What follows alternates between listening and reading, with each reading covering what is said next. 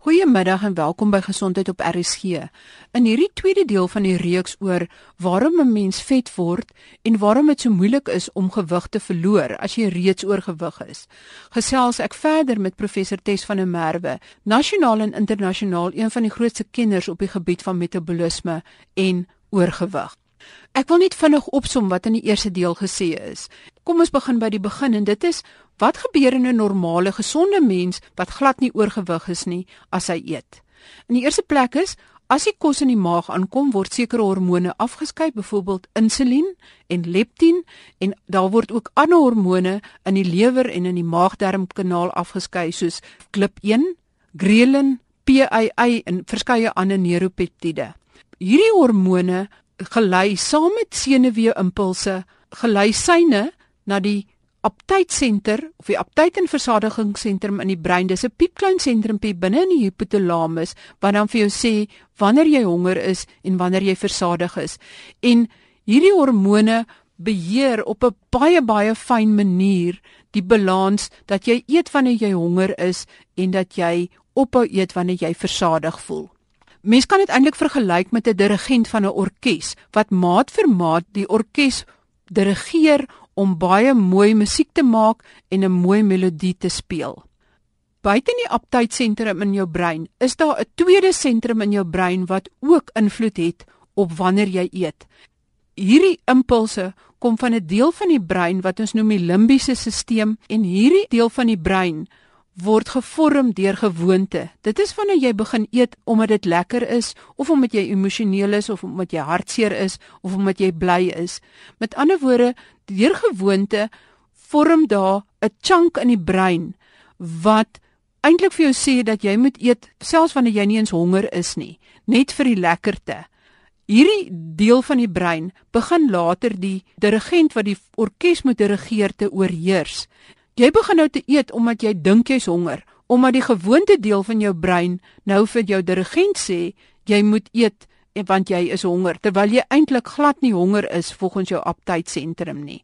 As 'n kind oorgewig is, is dit beter om dit so gou as moontlik te begin behandel voordat hierdie deel van die brein, hierdie blok van die gewoonte baie diep in die brein vasgemessel word.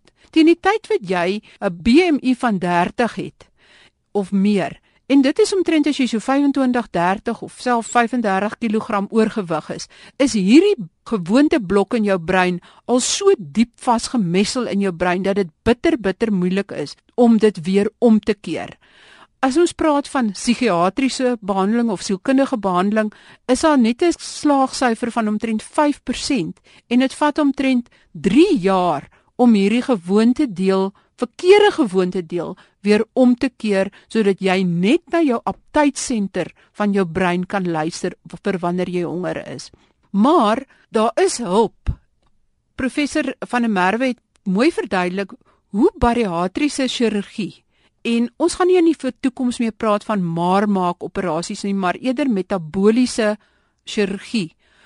Hoe hierdie chirurgie die hormone wat vrygestel word deur jou maagdarmkanaal, die insulien en al hierdie ander hormone weer herstel en hoe dit die boodskappe na die aptytsenter van jou brein herstel en jou aptytsenter bemagtig om sterk te staan teen hierdie verkeerde gewoonteblok wat eintlik probeer om die aptytsentrum te beheer.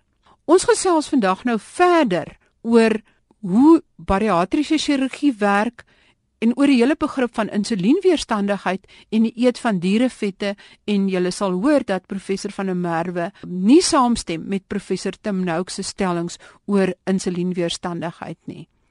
Kom luister verder en word wys.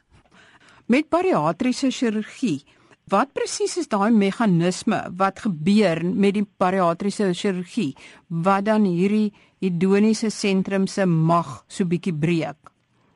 Ons is baie suksesvol Marie om GLP-1, ghrelin en PAI tot 'n baie groter mate funksionaliteit te gee in die hypothalamus. Dit is juis hoe die chirurgie ontwerp was baie mense besef nie dat die navorsing agter hierdie chirurgie in Swede begin het 25 jaar gelede al. Dit is 'n neefbytse navorsing agter hierdie peptiede en hormone om te kyk presies hoe met die chirurgie gebou word om vir hulle hierdie versterkte terugvoer na die brein te gee. Dit is nie 'n kwessie van die chirurg gaan in en hy maak net hier of daar 'n slytjie of hier of daar 'n pelts en ons hoop vir die beste nie. Ons weet presies watter gedeelte van die maagdarmkanaal aangespreek moet word om hierdie syne deur te gee. En natuurlik die chirurgie maak ook gebruik van die neurone impulse om na die brein toe ander syne te stuur. Daar's baie van ons pasiënte, amper helfte van ons pasiënte wat kom aanklop by ons deur suiwer om ontslae te raak van suikersiekte. En nou is die interessante ding is dat ons suikersiekte tot 'n einde kan bring in die oorgrootste meerderheid van ons pasiënte binne 24 tot 48 uur. En dit is suiwer as gevolg van daai vinnige omskakeling van die hormone wat ook impulse nie net na die brein toe stuur nie maar ook na die pankreas toe stuur. En onmiddellik is daar 'n totale ander meganisme van uh, gewaarwording in die hypothalamus en daar is van ons pasiënte wat op tot soveel as 200 eenhede insulien is tot tyd en wyl die chirurgie gebeur en dan 'n week later huis toe gaan op geen insulien nie. Watter persentasie bly in hierdie remissie? Die oorgrootste meerderheid wat remissie bereik, amper 98% sal in 'n remissie bly solank as hulle bereid is om die proses van opvolg daar te stel sodat ons kan seker maak dat hulle bly op die regte pad en dat hulle nie begin besgee aan die impulse van hulle omgewing nie. As hierdie chirurgie kan help vir iemand met tipe 2 diabetes, kyk julle dan ook steeds net na mense wie se BMI hoër as 30 is of sal julle dit ook doen vir mense wat nie heeltemal so oorgewig is nie? Marita was pragtige studies gedoen uh, op 'n laer BMI 25 tot 30 waar hulle gekyk het uh, wat die uitkomsyfer is en dit is nie so effektief nie. Daar is 'n persentasie van die pasiënte wat wel 'n ommekeer veroorsaak, maar dit is uiteraard omdat daai hormonale afwykings wat jy kry op BMI 25 tot 30 nie so uitgesproke is soos dit sal wees vir mense op 'n BMI 30 en bo nie. So 'n mens moet altyd eerlik wees oor die uitkomsdata en sê Ja, daar is 'n kans dat jy remissie kan kry, maar die kans op remissie is heel wat swakker om en by 67% in vergelyking met amper 98%. Hoe langer jy oorgewig bly, hoe meer abnormaal word jou homeostatiese meganisme. Dis twee sisteme wat saamwerk wat jy eintlik in der waarheid nooit van mekaar af kan skei nie, maar deur die een te korrigeer kan jy die ander help. Kom ons gaan terug na insulien en insulienweerstandigheid. Met ander woorde, as jy insulien inneem, dan sal jy honger word. Sentraal werkend het insulien die werking om jou aptyt aan te wakker. Ja. Op daai punt waar jy insulienweerstandig word, streng gesproke behoort jy dan eintlik geen verdere effek te hê op die brein nie. Maar in daai tydperk wat jy meer en meer insulien afskei van jou groter wordende vetmassa in daai tydperk het insulien die vermoë om beide die hedonistiese en die homeostatiese deel van die brein te stimuleer. Professor Tim Noakes het gesê dat 'n groot persentasie van mense is eintlik insulienweerstandig sonder dat hulle dit weet en dat dit een van die groot probleme is hoekom mense oorgewig is. Stem jy saam daarmee? Maar ons het absoluut absoluut geen bewyse in die literatuur dat daai stelling korrek is nie.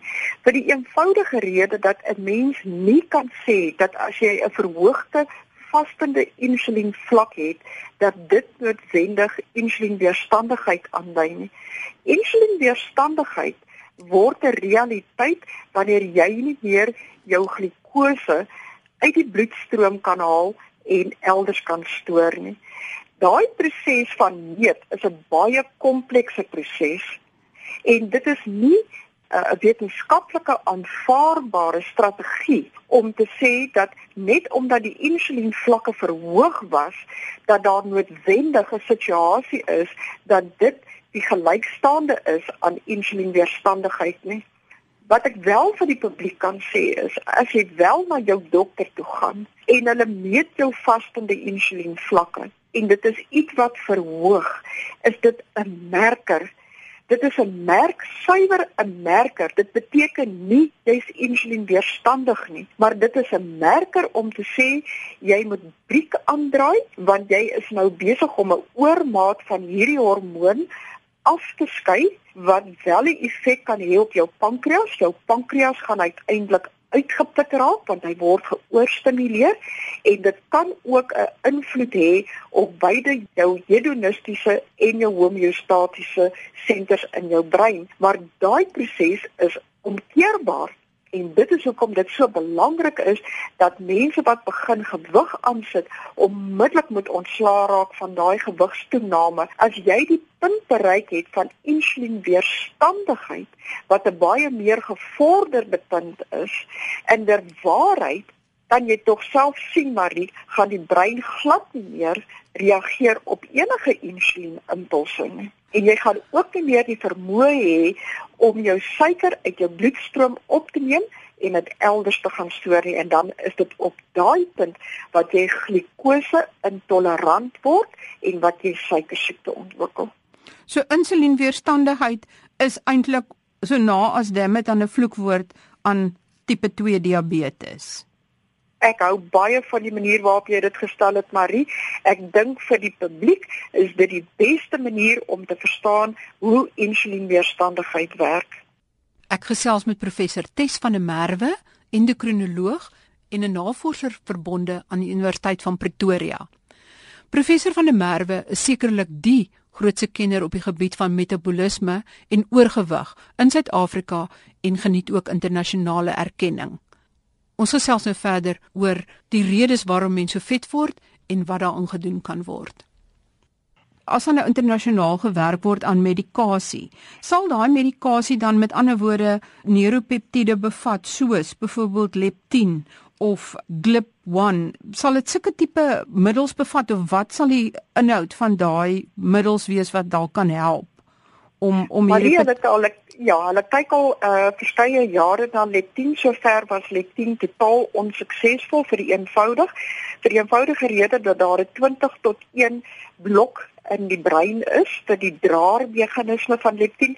So jy sal uitermate hoë doserings van leptin moet gee om die draermeganisme na die brein te oorkom.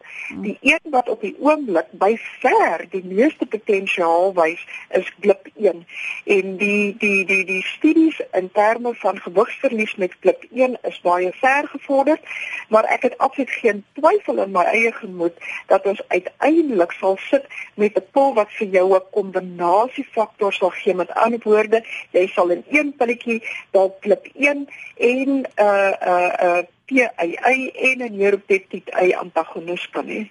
En dit is waarna ons uiteindelik sal kyk, maar nou moet ek weer beklemtoon Marie as gevolg van die blokkade wat jy kry om hierdie hormone in die brein te kry want onthou nie alles wat jy opneem in 'n tabletvorm kom in dieselfde konsentrasie by die brein uit nie gaan die medikasie gedeelte van obesiteitsbehandeling altyd wees vir daai mense wat om en by 10% gewig wil verloor. So weer eens Marie en ek het dit op die kongres ook gesê, ons moet heeltemal in totaal wegkom daarvan om te kyk na obesiteitsbehandeling as een groot vorm van behandeling wat vir almal dieselfde sukses gaan gee. Ons moet dit in kategorieë indeel en sê as jy op 'n BMI is van 25 tot 30, gaan jou beste kans wees op sukses waarskynlik met medikasie. As jy gaan na 'n BMI van 40 toe, is jy so ver gevorder dat jou beste kans op sukses met metaboliese chirurgie gaan wees. Jou beste vorm van gedragsmodifikasie vind plaas in die pasiënte wat hier begin neig na BMI van 25 tot 27 en dan uiteraard in ons kinders kan ons geweldig baie vordering maak met korrekte eetplanne en gedragsmodifikasie. Professor, ek wil net 'n laaste vraag vra. Professor Tim Noakes beveel aan dat mens baie meer versadigde vette eet en baie min koolhidrate. Hoe pas dit in by hierdie hele prentjie van beheer van gewig? Maar dit het geen rol te speel nie. Vir die eenvoudige rede dat ons moet onthou dat versadigde vette het veral in die vroeë stadiums van insulienweerstandighede met ander woorde as jy op daai kritieke punt is waar jy op die punt staan om oor te gaan na insulienweerstandigheid toe, het 'n hoë vetinhoud in die dieet, veral van versadigde vette, het die vermoë om daai insulien reseptor die finale pushou te gee. Met ander woorde, hy slaan hom totaal en heeltemal uit. Die Engelse het in die wetenskappe 'n pragtige uitdrukking daarvoor. Hulle sê there is an acute down regulation of the insulin receptor. So dit is vir my wat my aanbetref totale onverantwoordelike advies. Ons moet hou by ons voedselgroepe. Elke mens het 'n bietjie van alles nodig. Niemand het enige iets nodig in oormaat nie. Baie baie dankie professor van der Merwe. Baie dankie vir die geleentheid wat julle my gee om my kennis te deel met die publiek. Dit is iets wat vir my baie na in die hart lê. Dit is aan die einde van ons reeksie oor oorgewig en jou metabolisme en waarom mense so sukkel om om as jy vet is om gewig te verloor. Ter opsomming het ek enkele vrae wat ek dink elke ouer vir homself moet stel. En dit is nommer 1. Is jou kind oorgewig? En kyk nou met baie kritiese oë na jou kind. Is hy nie dalk effens te vet of heeltemal te vet nie? Is jou kind aktief? Neem hy aan sport deel? Bestee hy minstens 3 middae 'n week dat hy 'n uur of 2 aan sport deelneem. Indien nie, moedig jy hom aan dat hy aan sport deelneem of aktief is, danslesse neem, swemlesse. Stel jy self 'n voorbeeld aan jou kind dat jy self aktief is en aan een of ander aktiwiteit of sport of oefening deelneem. Eet jy meer as een keer per week kitskos? Drink jou kind meer as een keer per week gaskoeldrank? Stel jy self 'n goeie voorbeeld. Dit is dan ook baie belangrik dat sodra jy begin gewig optel, as jy 5 tot 10 kg oorgewig is en dit geld natuurlik vir jou kind ook, dat jy so gou as moontlik moet probeer om die gewig af te skud om weer jou ideale gewig te bereik, sodat daai verkeerde blok van boodskappe nie so diep in jou brein ingemessel word dat dit inmeng met jou werklike aptydsentrum sodat jy verkeerde boodskappe kry nie. Die vraag is dan, wat staan mens te doen as mens oorgewig is? Eerste plek is jy moet dit so gou as moontlik afskud. As dit net 'n paar kilos is wat jy moet afskud, sal jy dit 10 teen 1 darm op jou eie kan doen. Maar as jy al vir 'n redelike tyd oorgewig is en jy sukkel om die gewig af te skud en is 5 of 10 of 20 kg wat jy moet afskud, is dit dalk die moeite werd om by 'n gewigsverliesgroep aan te sluit om daardie gewig te verloor sodat jy dissipline kan aanleer om hierdie nuwe eetgewoontes aan te leer. Dit is nie so maklik nie. So sluit by 'n gewigsverliesgroep aan of gaan sien 'n dieetkundige, iemand wat agter jou kan staan, wat jou kan help en jou kan aanmoedig om die gewig af te skud. Want as jy vir baie lank oorgewig is, jou BMI is meer as 30, dit is as jy omtrent 20, 25 kg oorgewig is, is 'n metabooliese operasie dalk al uitweg om jou ooit weer skraal te kry. So probeer keer dat jou gewigsprobleem so groot word dat dit al oplossing is. As luisteraars vra het oor gewigsverlies en oor bariatriese chirurgie, stuur gerus verby 'n e-pos met die vraag aan gesond@rsg.co.za. Jy kan ook hierdie navraag rig aan professor Tes van der Merwe by die volgende e-posadres. Dit is Jenny alles kleinletters met 'n y j e n n y by sasom online alles een woord .co.za en dit is sasom s a s o m online www.co.za. As daar baie luisteraars vra is, het professor Tes van der Merwe ingestem tot 'n vrae en antwoord sessie weer op hierdie program. Volgende week gesels ek in 'n reeks van 2 oor alles wat jy ooit wou weet oor borskanker. Al die nuutste inligting, al die nuutste navorsing. Tot volgende week dan. Totsiens.